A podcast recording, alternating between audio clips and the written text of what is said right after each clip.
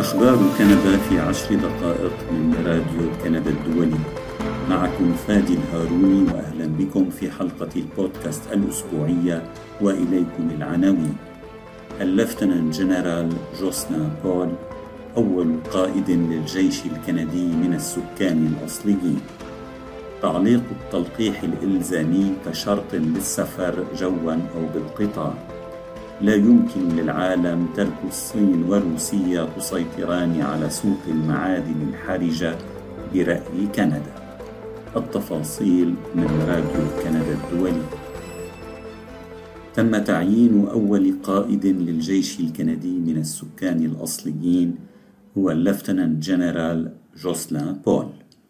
وتشمل تسمية الجيش الكندي العناصر البرية في القوات المسلحة الكندية. واللفتنان جنرال بول عسكري محترف شغل من بين أدوار عدة منصب نائب قائد القيادة المشتركة لقوات منظمة حلف شمال الأطلسي في نابولي في إيطاليا. كما قاد فرقة كبيرة من الجنود في واحدة من أخطر المناطق في أفغانستان.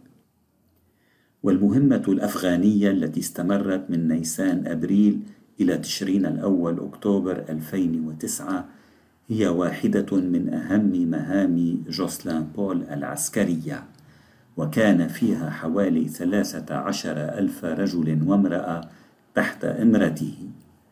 ورد اللفتنان جنرال بول على تعيينه في منصبه الجديد يوم الخميس بالإشارة إلى السكان الأصليين ومكانهم في الجيش الكندي. إذا كان بإمكاني أن أكون مفيدا لأمر ما وإذا كان بإمكاني إلهام شاب أو شابة يترددان في الالتزام بالحياة العسكرية وإذا كان بإمكاني الحصول على خمسة أو ستة أو عشرة أو خمسة عشر أو عشرين جنديا إضافيا من السكان الأصليين. أعتقد أني سأكون قد قمت بواجبي. قال اللفتنان جنرال جوسلان بول للصحفيين عقب تسلمه منصبه كقائد للجيش الكندي. وظل جوسلان بول لعدة سنوات الأعلى رتبة بين أفراد السكان الأصليين في الجيش الكندي.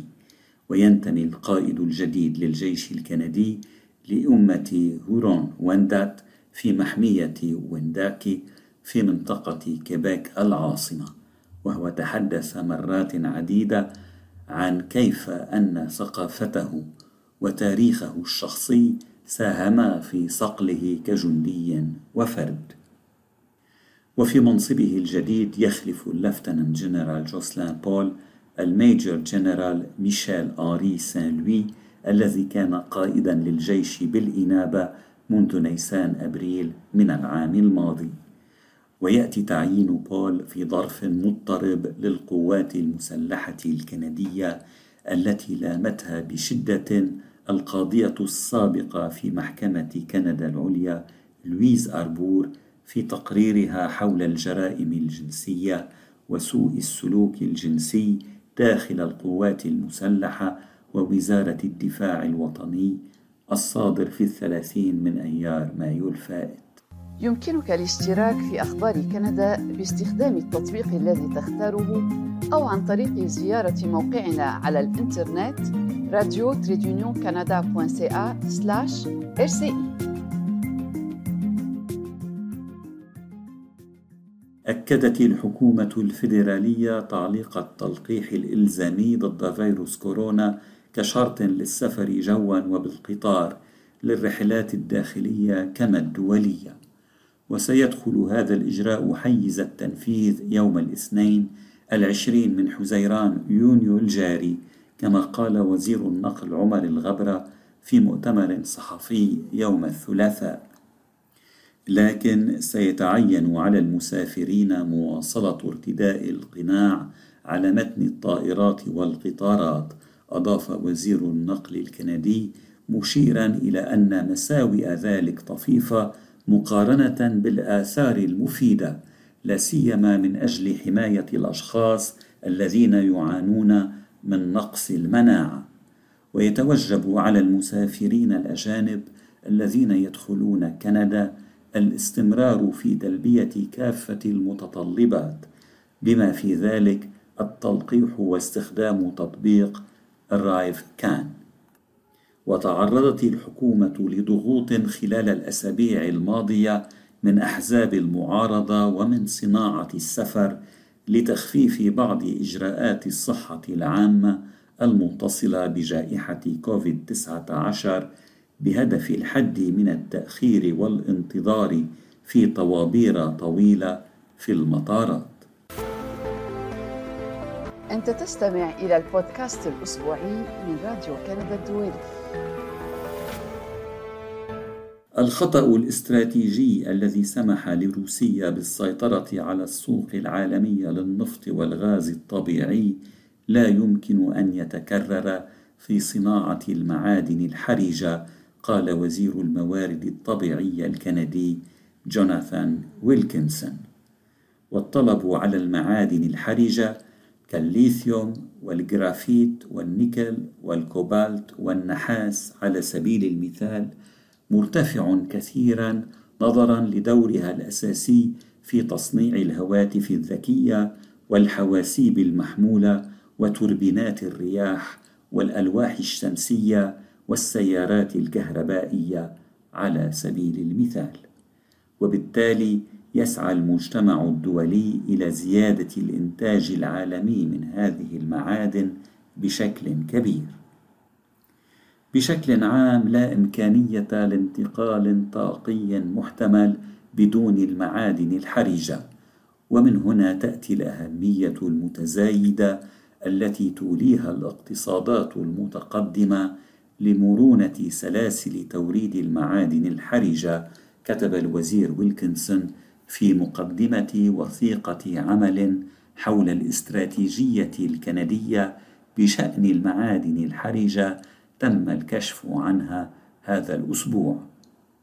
وفي مقابلة مع وكالة الصحافة الكندية قال الوزير ويلكنسون إن هذه المرونة لن تكون ممكنة إلا إذا منعت الدول الغربية إشراف دول لا تستحق الثقة على الإنتاج العالمي من المعادن الحرجة.